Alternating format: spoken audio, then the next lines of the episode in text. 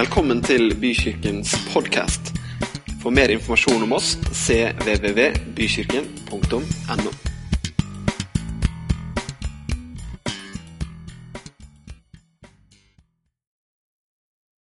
Godt å være her og flott å se dere.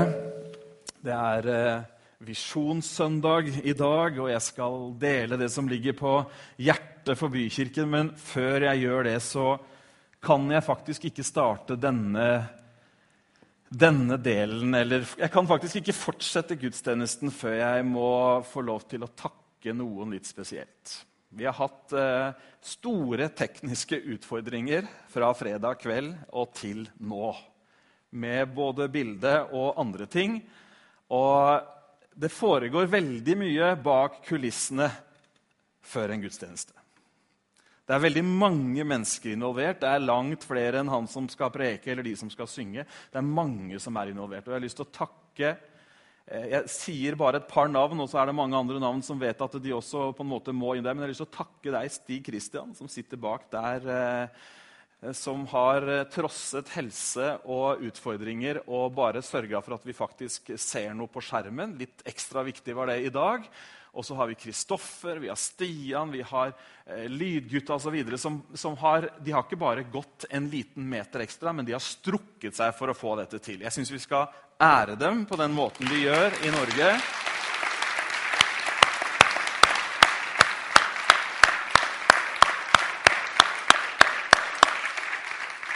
Dere gjør en så utrolig viktig jobb sammen med alle de andre medarbeiderne i Bykirken. Og det er veldig gledelig, syns jeg også. Det er en ting som har gleda meg mange søndager nå. Og det er at, eh, at, jeg ser at det er nye folk i alle de forskjellige teamene som er med på å utgjøre Bykirken. Dere så kanskje ei som ikke har sunget før her oppe i dag? Noen la merke til det, hørte jeg. Det er nye folk som er med i Folk, møteverter og kafé. Eh, det er en ny kar som skal preke neste søndag. Jeg vet hva W-en står for. Og det er nye folk i barnearbeidet, og det er stadig noen som bretter opp noen armer, og som vil være med og gjøre jobben, vil være med og bygge menighet. Og det er jeg veldig takknemlig for.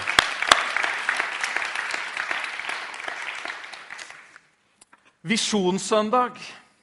Visjon Man får sikkert litt sånne ulike assosiasjoner ved det begrepet.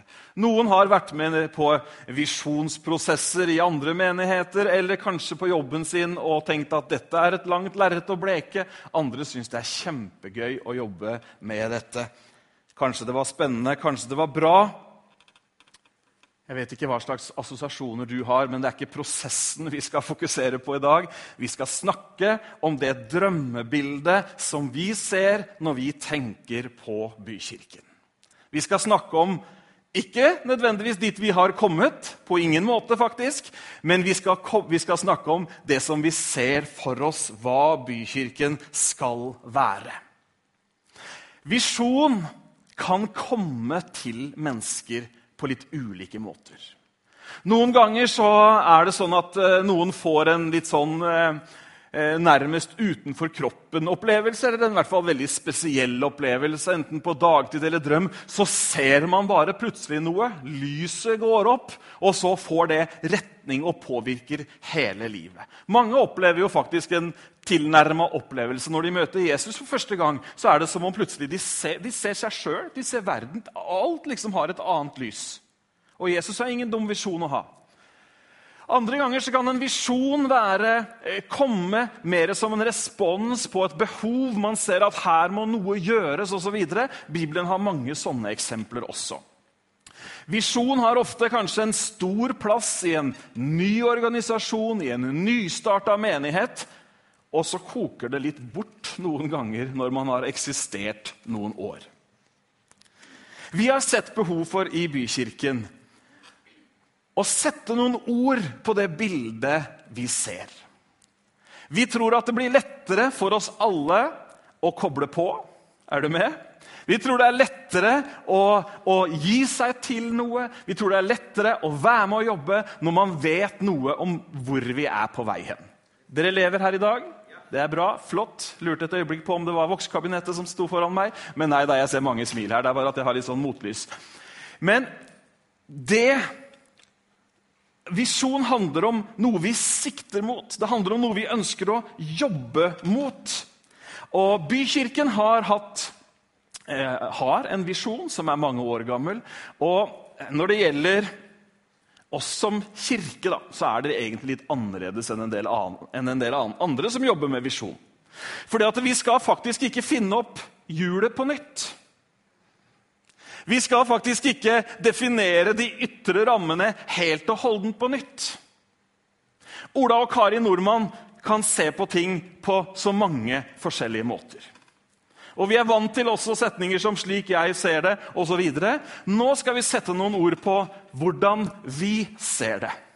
I lederteamet så har vi snakka om dette mye, mange ganger og lenge. Vi har også eh, eh, luftet dette. Vi har også presentert dette for eh, neste nivå av ledere. Det gjorde vi på en ledersamling her forrige uke. Det er den og ikke hofta mi, hvis du hører den lyden. Det var greit å få det klart. Men visjonen vår, den handler om kirke. Den handler om menighet.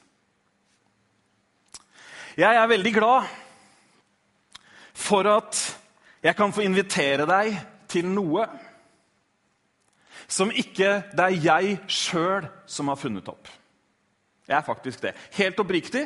Hvis dette var en lansering av et eller annet som jeg var eh, founder of, så hadde jeg nok stilt meg fram i dag med en del flere nerver enn det jeg har gjort. Med på tanken?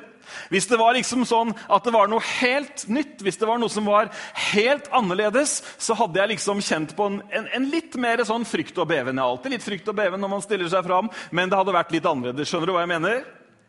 Det er nemlig sånn at det at vi er en kirke, det inneholder allerede ganske mye. Kirke er faktisk Guds idé. Og jeg tror at Når Gud har en idé, når Gud har lansert noe for oss mennesker, så tror jeg helt grunnleggende Jeg tror ikke bare helt grunnleggende, jeg er faktisk helt overbevist om at ideen hans er god. Vet ikke hva du tenker om det?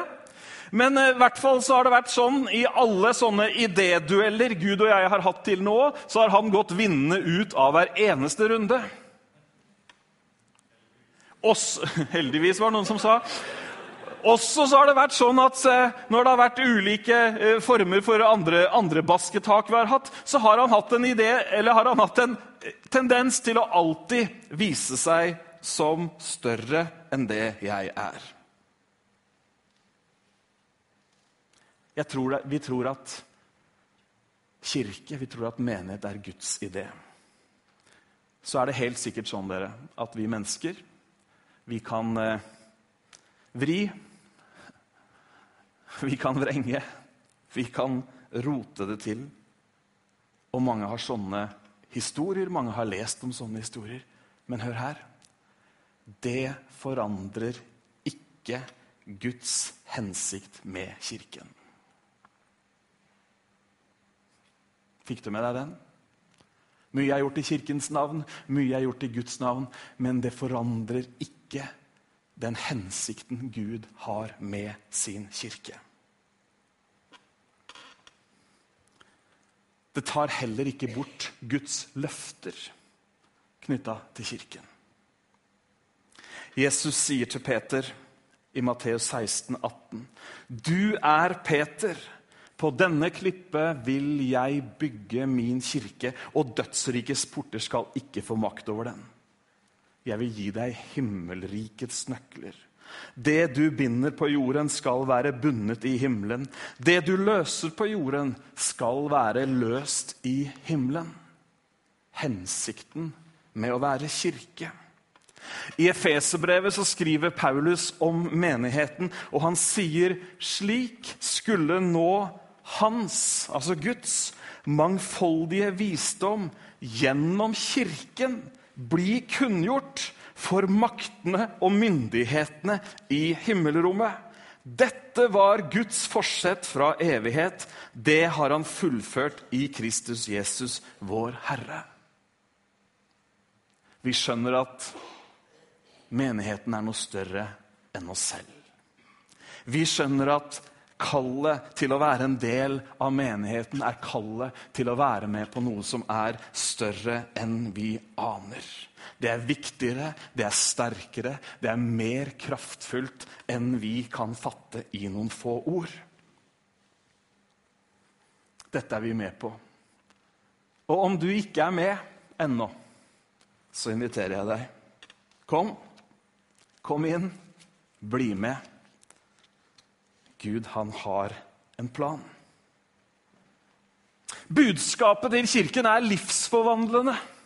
Det budskapet vi forvalter, det som vi prøver å kommunisere til menneskene rundt oss, er rett og slett revolusjonerende. Det er, de, det er, det samme budskapet som Jesus kom med, og han sa himlenes rike er nær. Gud elsker deg, Gud bryr seg om deg. Han lever, han vil bruke tid med deg. Umulig at det går an, sier mange, og egentlig så er det kanskje det. Hadde det ikke vært for Jesus Kristus, som kom og åpnet en ny og levende vei. For deg og for meg. Han sa det var fullbrakt når han døde på korset. Han tok all verdens synd. Han tok alt det som kan skille Gud og menneske. Det tok han på seg. Han betalte prisen, gjorde opp gjelden. Det er budskapet til kirken. Det budskapet det har forvandlet liv i tusenvis av år, og det kommer til å forvandle liv alle de som hører det budskapet. Det er herlig. Det er et godt budskap. Godt høres nesten litt for slapt ut, egentlig, men det er helt fantastisk. Som kirke så er vi utrolig glad for denne boka her. Ikke akkurat denne boka nødvendigvis, men det, hva dette er for oss. Guds ord. Det er en sannhet. Det er sannheten om Gud, det er sannheten om oss som mennesker. Og det er den grunnvollen vi faktisk bygger på. Paulus underviser sin unge følgesvenn Timoteus, og så sier han til han i 2. Tim 3, 15. Helt fra barndommen av har du kjent de hellige skrifter. De som kan gi deg visdom som leder til frelse ved troen på Kristus Jesus. Alle skrifter som er inngitt av Gud, er også nyttige til opplæring og tale til rette, hjelpe på rett vei og oppdra i rettferdighet. Slik skal også det mennesket som hører Gud til, settes i stand og bli rustet til all god gjerning. Vi tror på en kirke som er en kirke ikke bare i kraft av en organisasjon med et nummer og en postboksadresse, men vi tror på Kirken som det redskapet som Gud ønsker å bruke i vår tid i 2016. Amen. Bygd på Hans ord, med Hans ord som autoritet og rettesnor i alle ting. Gud elsker alle mennesker. Er du sikker på det? Hva med naboen min? Hva med han kollegaen jeg ikke kan utstå? Beklager, han er nok elsket, hun er nok elsket, hun også. Han vil at alle mennesker skal få bli kjent med ham. Han vil at alle mennesker skal komme til sannhetserkjennelse, som det står i, i, brevet til Timoteus. Gud ønsker at alle skal få oppleve et liv som er meningsfullt, og som har en hensikt. Og det tror vi at vi som kirke skal få lov til å være med på. Hjelpe folk videre på den veien. Alle som en så har vi en historie. Hvis du, noen, hvis du, tenker at jeg har ikke noen historie, så er det bare å sette seg ned i et stille rom uten eh, påvirkning utenfra og begynne å la tankene gå. så skjønner vi at vi bærer på noe. Vi har noe med oss. En bagasje å bære. Det er sannheten om meg, og det er sannheten om deg. Men sannheten er også at Gud han elsker alle, og Gud han ønsker alle velkommen uansett. Ja, men jeg er sånn. Spiller ingen rolle. Jeg har gjort det. Spiller ingen rolle. Jeg føler meg sånn. Spiller ingen rolle. Du er velkommen uansett. Jeg har den fasen jeg går gjennom i livet nå. Du er velkommen allikevel. Jeg kjenner meg sliten. Gud ønsker deg velkommen allikevel. Ja, men jeg har havna i denne situasjonen. Velkommen uansett. Vi tror på en kirke som er åpen for absolutt alle. Vi drømmer om en kirke som er full av sånne som Sakkeus.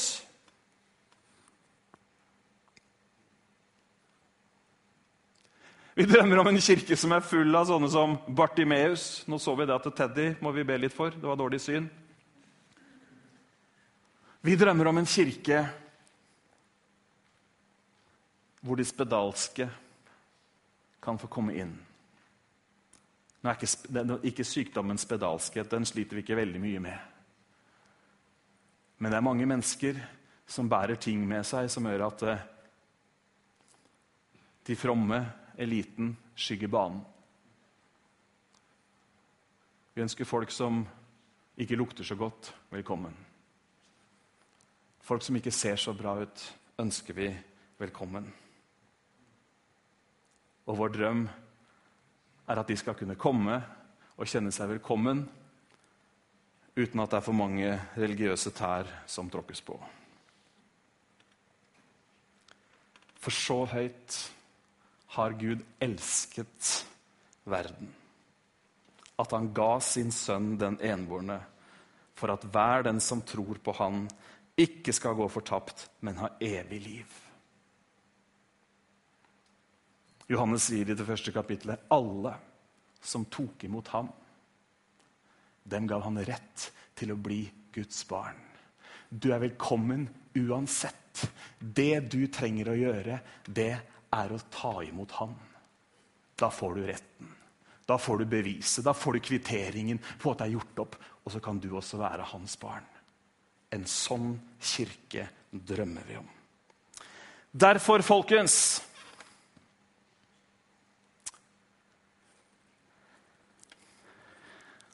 så sier vi at vi tror på en kirke som utgjør en forskjell i den enkelte, for, de, for den enkelte og verden rundt oss.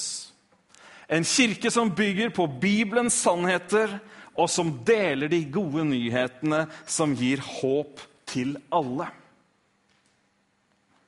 Vi sier også at Gud bryr seg om alle mennesker. Derfor så spiller det ingen rolle hvem du er, eller hvor du kommer fra, eller hva slags bagasje du har med deg. I bykirken så er du velkommen uansett. Amen! Det er sånn begeistringsuttrykk i våre kretser. vet du. Så bra! Skal jeg lære deg et par nye i dag? Herlig! Prøv å si det. Så bra! Det er jammen sant! Alle, disse og alle andre kan du bruke fritt resten av talen. ok? Hadde vært moro. Vi ser en kirke hvor alle er velkommen uansett. Ja, så bra. Vi tror i utgangspunktet at en kirke hvor ikke dette er en sannhet, ikke er en kirke. Vi ser en kirke hvor alle er velkommen uansett.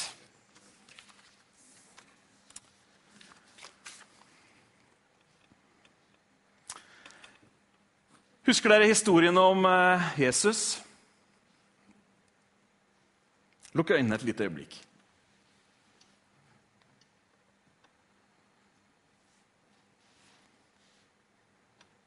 Kanskje du husker noen av lignelsene han fortalte.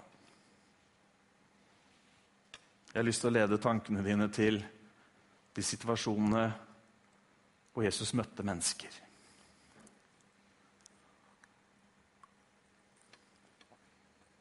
Klarer du å se det for deg?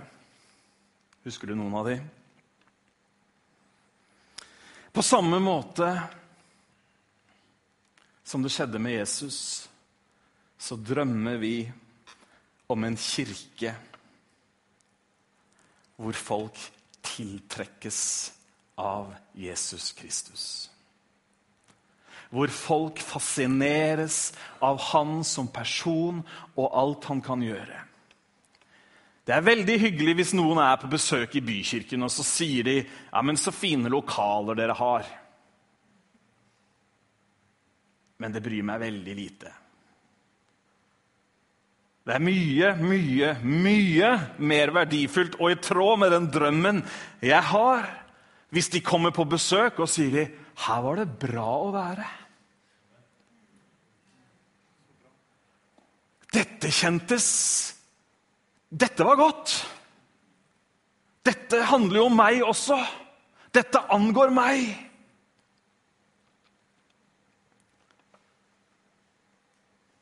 Vi tror at vår kirke skal være en sånn kirke som kjennetegnes ikke av farger og fine lokaler, men som kjennetegnes av en atmosfære hvor folk trekkes til Jesus. Tilbake til historiene, tilbake til det du husker om Jesus. Hva skjedde med de menneskene som ble tiltrukket av ham? Tenk på alle de gangene hvor Jesus dro ut av byen, ut i ødemarken for å få fred. Og så kom det tusenvis av mennesker som bare måtte se han, måtte høre han, måtte oppleve og bli helbreda når han ba for dem.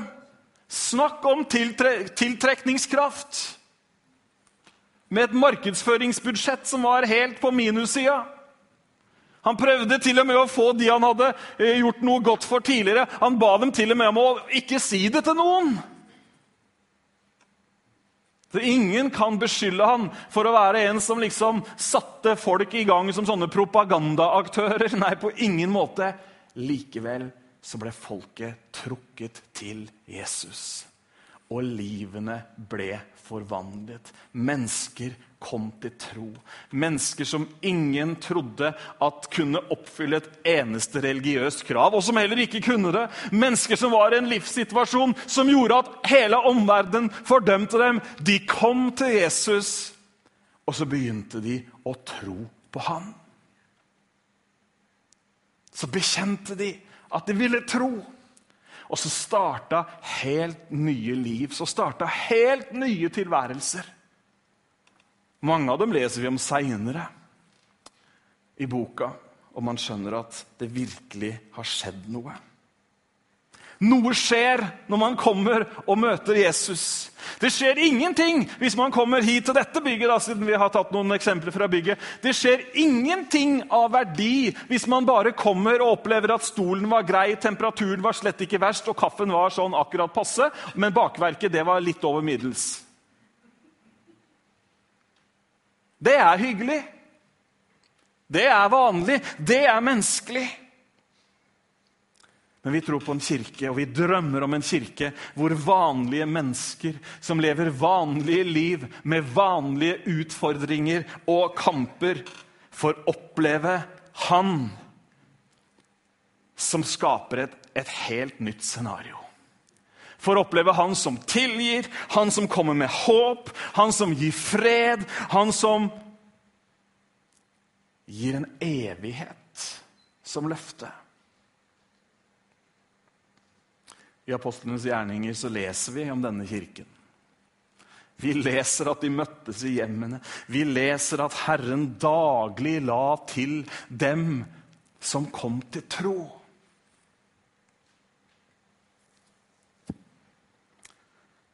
Derfor, dere,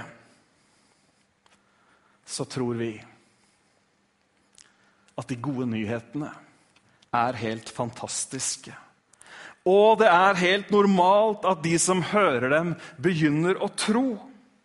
Det som skjer, er overnaturlig, men at det skjer, er helt vanlig. Hos oss er det vanlig at mennesker som ikke har en tro, likevel føler seg hjemme. I møte med Gud forandrer han oss, og vi får håp om en ny framtid.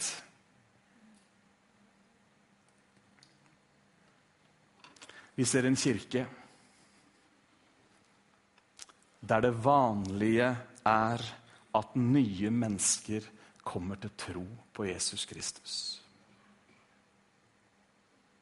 Vi drømmer om at det ikke skal være en sånn kryss i taket, merk dagen i kalenderen hver gang det skjer, men hvor det vanlige er at det skjer.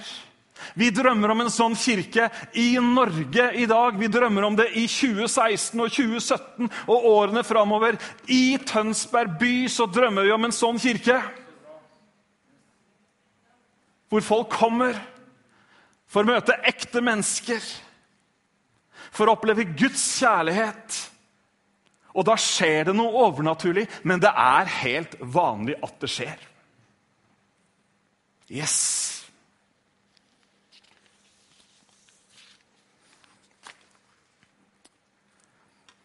I vår del av verden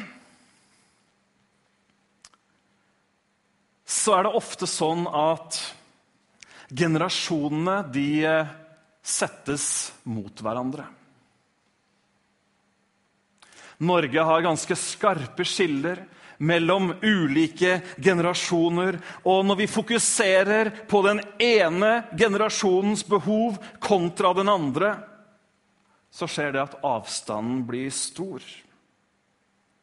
En tydeliggjøring av forskjeller skaper alltid avstand. Vi drømmer om en kirke der hvor generasjonene lever sammen. Vi drømmer om en kirke der hvor eh, kanskje ikke de nødvendigvis hører på akkurat samme musikk eller bruker akkurat samme klær, men vi drømmer om en kirke hvor de eksisterer sammen og beriker hverandre. Det er nemlig sånn at både barna og de eldre elsker den samme Jesus. Både barn, unge og eldre, voksne, de ønsker å tjene ham. Ønsker å leve for ham. Det er mange fellestrekk mellom generasjonene. Veldig mange. Og ikke minst så skal både barn, unge og voksne, de skal til en samme himmel. Vi tror på en menighet hvor vi legger til rette for at dette samspillet skjer. Vi tror at det faktisk går an, dere. Kan vi få se en håndsopprekning, de som regner seg som voksne her? Ja, Barna er oppe, så nå burde egentlig alle rukket opp hendene. Men, men, det er greit, jeg ser noen er i tvil, og det er helt lov. Hos oss er nemlig alle velkommen. Men vi tror at de voksne ikke er passé. Altså fortid. Og så tror vi heller ikke at barna bare er framtid. Vi tror at barn og voksne eksisterer nå sammen. Og vi drømmer om en menighet hvor dette faktisk leves ut og praktiseres. Jeg drømmer om en kirke hvor, hvor de voksne ikke bare har rollen barnevakt. Men jeg drømmer om en kirke hvor de voksne er fedre og mødre, selv om deres egne barn har flytta ut for lenge siden.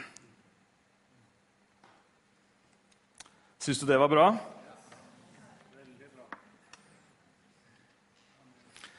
Fedre som gir rom. Som står der som en trygg grunnvoll og som et nådefullt sikkerhetsnett. Bibelen sier i Malaki 4,6.: Han skal vende fedrenes hjerter til barna og barnas hjerter til fedrene.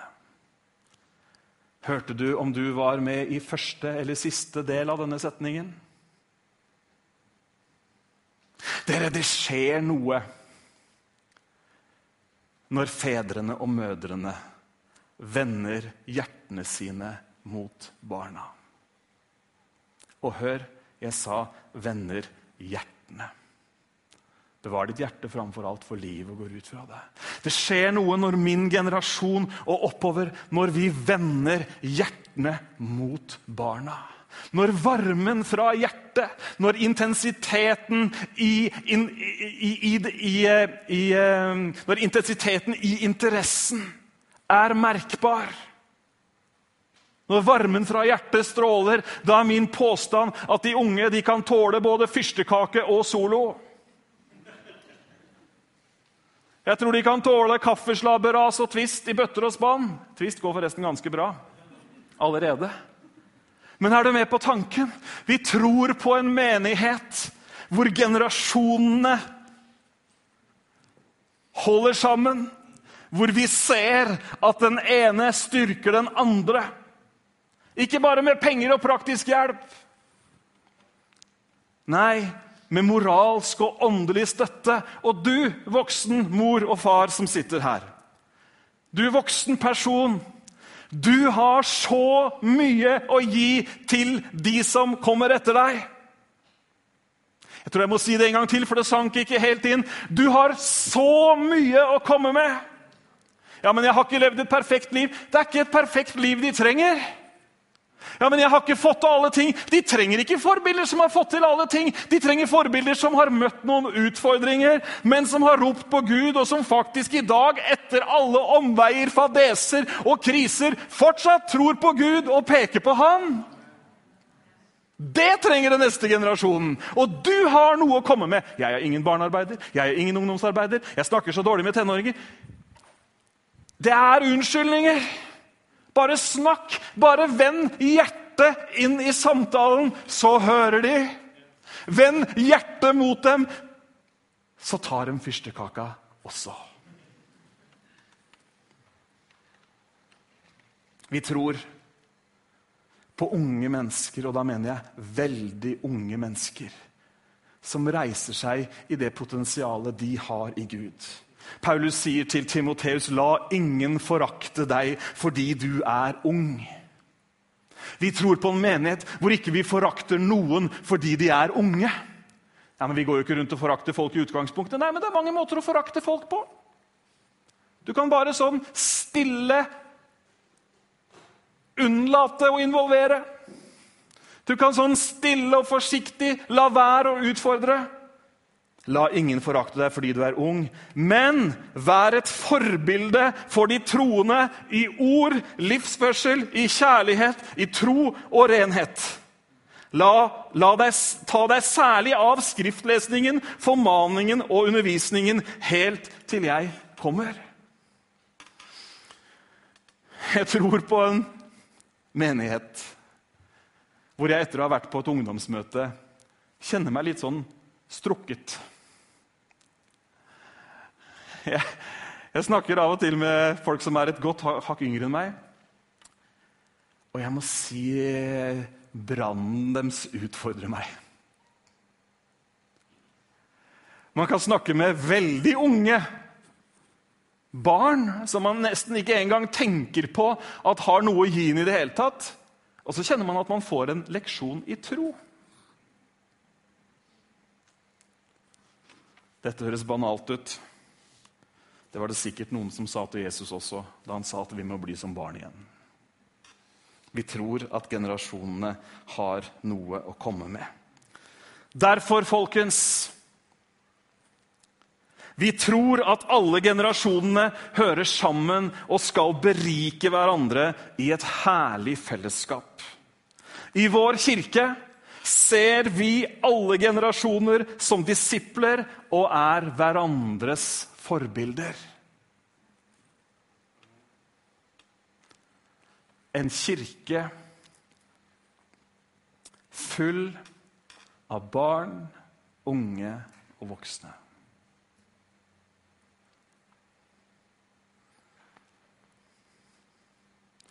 Jeg er glad for og takknemlig for at i dag så har vi om ikke vi har full pott på alle generasjoner, så har vi stort sett alle generasjoner til stede.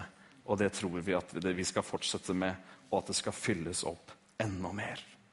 En kirke full av barn, unge og voksne.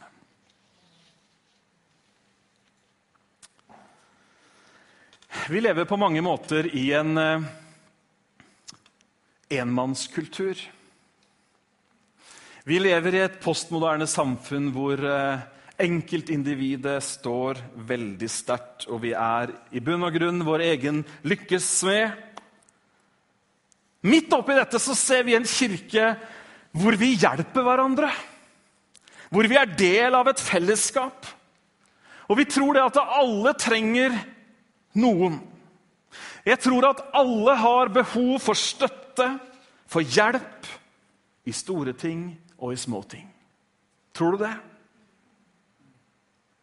Det er heldigvis sånn at klare selv-alderen den går over. Og vi skjønner at vi faktisk trenger hverandre.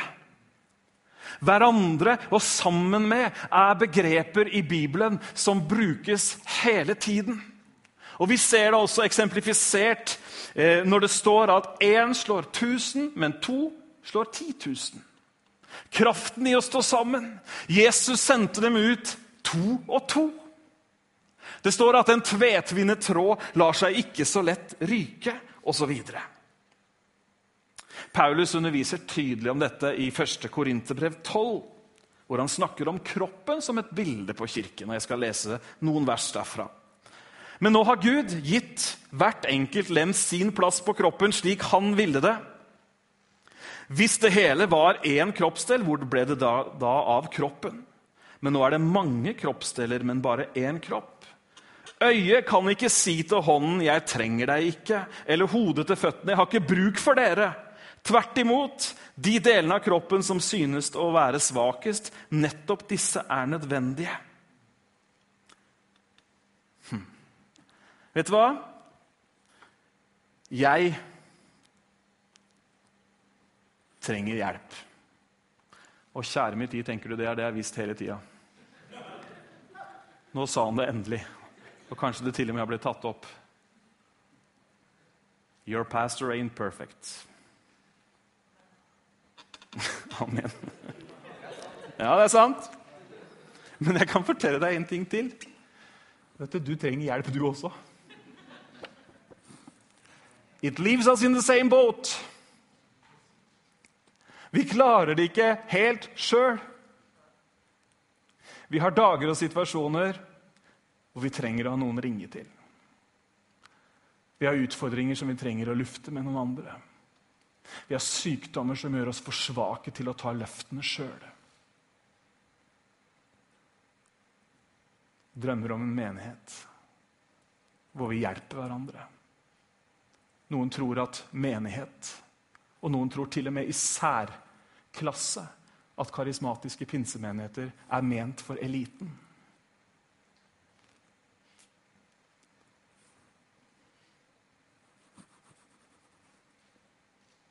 Det er ikke sånn. Ja, men jeg føler meg som eliten, sier du. Ja, du er velkommen uansett. Det har jeg allerede sagt. Men vi drømmer om en menighet der hvor vi hjelper hverandre.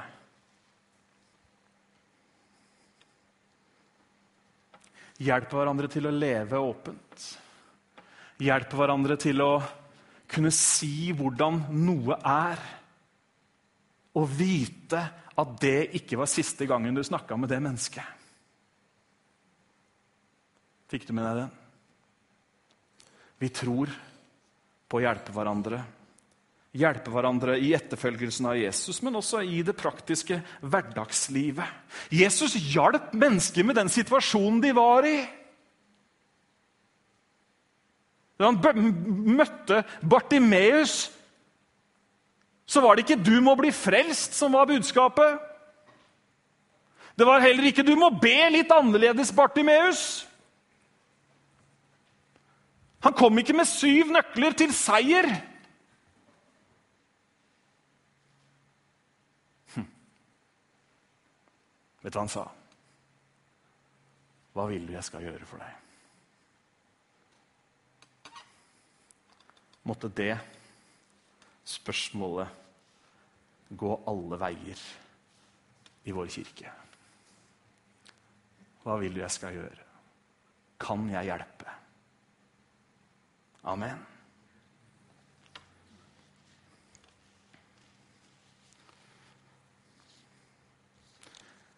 Vi drømmer om en menighet hvor vi lever åpne liv. Livet blir krevende dere, når eh, vi definerer for mange adskilte arenaer. Jobb, de vennene, den delen av livet, familielivet osv. På ungdomsskolen så levde jeg ikke sånn åpent kristenliv. Det vil si, alle visste jo at man var det, fordi at eh, sånn var det.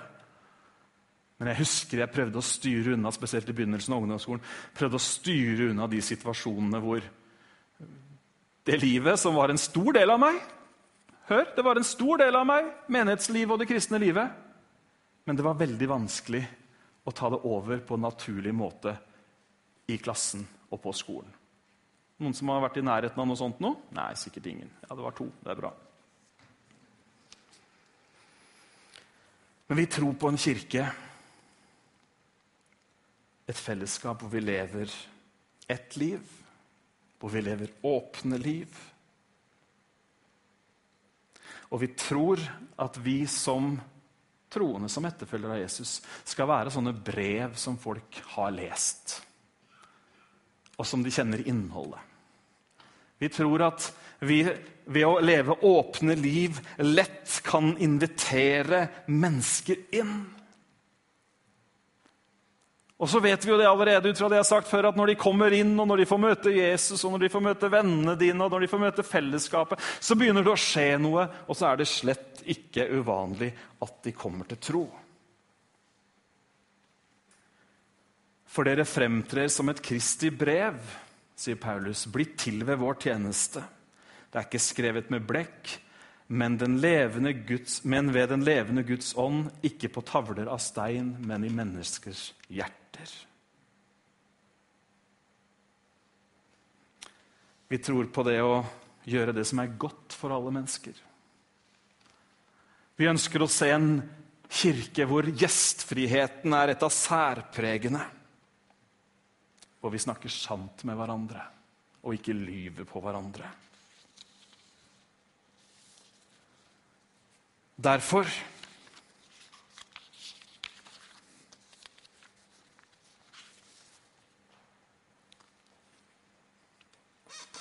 Derfor, folkens, så tror vi at vi er At sammen er vi sterke. Og sammen så kan vi støtte, hjelpe, løfte og heie hverandre fram. Akkurat som en kropp henger sammen, så hører vi sammen. Vi trenger hverandre. Når andre vet, så kan det hjelpe. Når det er åpent, så kan man komme inn. Vi tror på åpne liv som inviterer de rundt oss inn. Derfor så tror vi det er viktig å møtes i små fellesskap. Vennskap og tilhørighet i glede og sorg, i hverdag og fest. En kirke full av barn, unge og voksne som hjelper hverandre til å leve åpne liv. Er ikke det bra? Hm. Det er det vi skal være med på, alle sammen.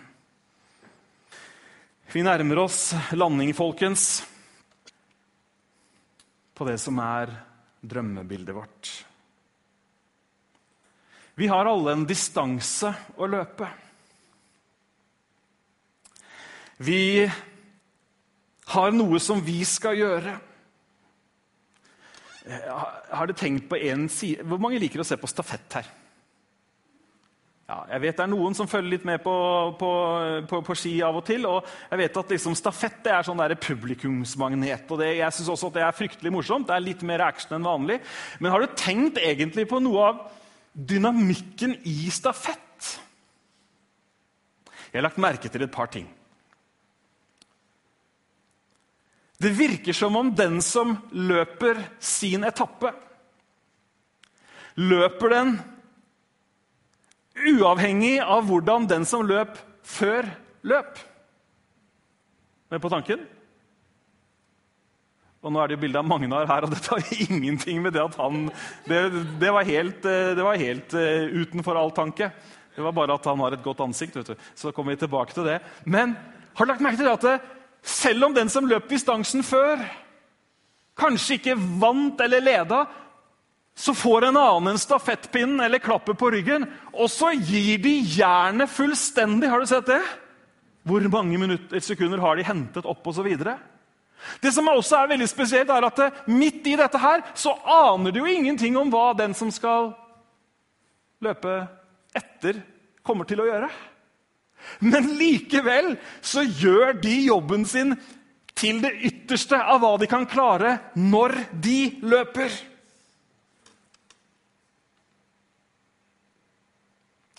Jeg vet ikke hvor langt du skal løpe.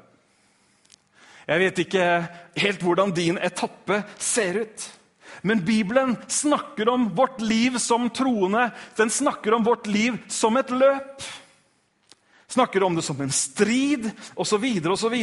Og vi har ulike løp. Vi har ulike ting som vi skal gjøre. Noen reiser til Afrika. En del av dere gjør jo ikke det. Det er jeg glad for. Det sitter ganske mange her i dag. Vi har ulike arenaer, vi har ulike løp. Vi har alle vår greie, på en måte. Og jeg vet ikke alle detaljer i ditt liv som disippel av Jesus Kristus. Men jeg ber for deg, og jeg ber for meg, at jeg må løpe det løpet på samme måten som disse som deltar i stafetten at jeg tar min etappe og gjør det av hele mitt hjerte. Med alt jeg har. Og det er bønnen at vi alle skal være helhjerta i vår etterfølgelse av verdens frelser. Ordspråket 423 har jeg allerede vært borti, men der står det jo 'Bevar ditt hjerte fremfor alt du bevarer, for livet utgår fra det'.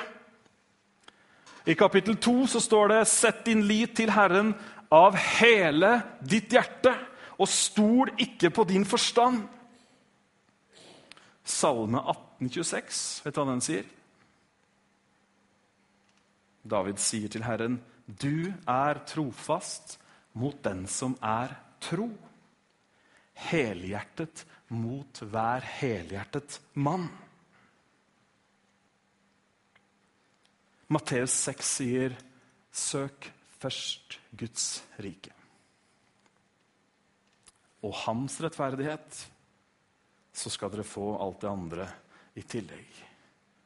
Vi tror dere, som kirke, som lederskap, så tror vi at det er ett kall som lyder sterkere enn alle andre kall.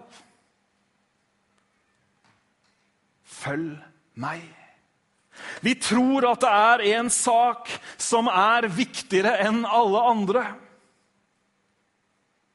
Guds rike.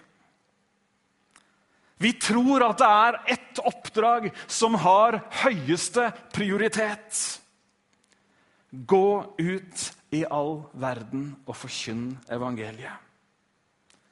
Og så tror vi at det er ett mål som er det viktigste målet. Himmelen. Derfor, dere Å gi Jesus alt og helhjertet følge han, det gir livet den dypeste mening. Å kjenne han er det største et menneske kan oppleve.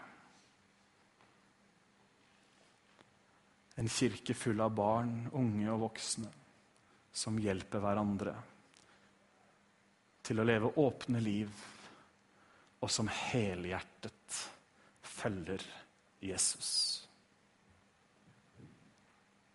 Amen. Da skal vi se en video.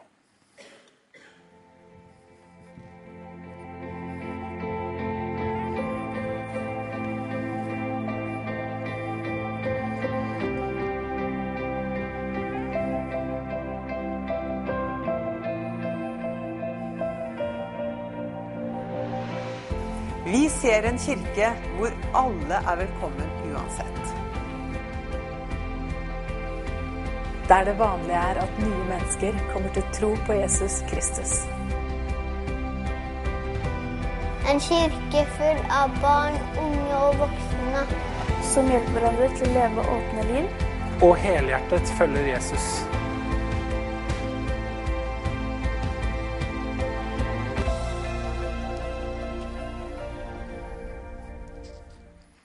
Ikke den fin?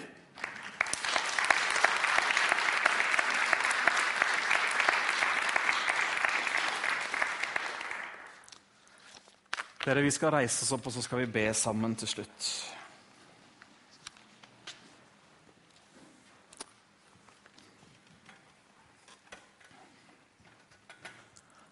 Vi ser en kirke hvor alle er velkommen uansett.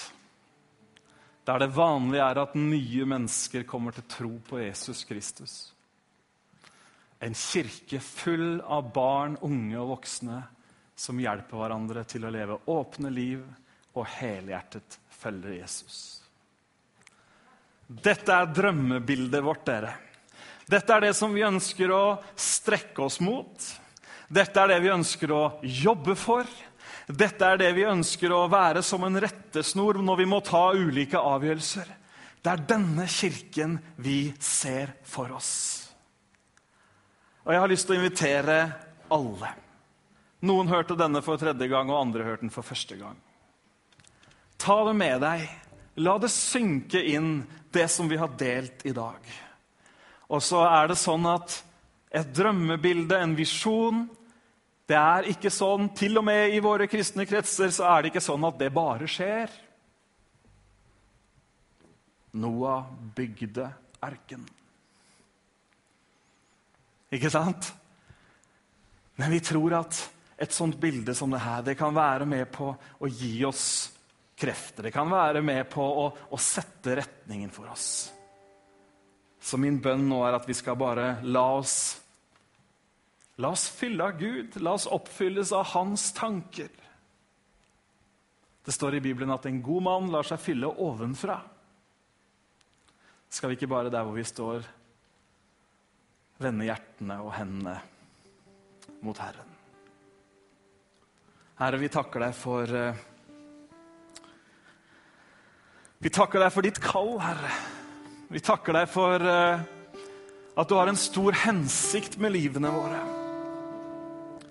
Og vi takker deg, Herre, for at når eh, mange mennesker kommer sammen og ser det samme og jobber mot det samme, så kan vi se at vi beveger oss i den retningen. Så kan vi se at ditt ord, det oppfylles. Vi kan se det at løftene dine er sanne. Og Herre, nå ber vi sammen for vår kirke. Vi ber for kirken over hele verden også, men akkurat nå så ber vi for vår kirke, Herre. Og vi ber, Herre, om styrke. Vi ber om kraft. Vi ber om visdom. Vi ber om inspirasjon. Vi ber om alt det du kan gi oss, Herre, sånn at vi kan være med på å se at du bygger din kirke. Vi ber for alle de rundt oss som ennå ikke har kommet til tro. Vi ber for barna, de unge og de voksne, for generasjonene.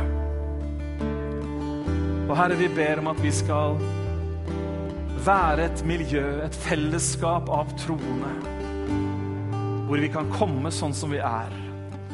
Hvor vi kan få vite at her er det hjelp å få. Hvor vi kan vite at her er det åpent for å dele. Herre, takk at du har ført oss inn i det 21. århundret for at vi skal kunne følge deg. Helhjertet følge deg. Amen.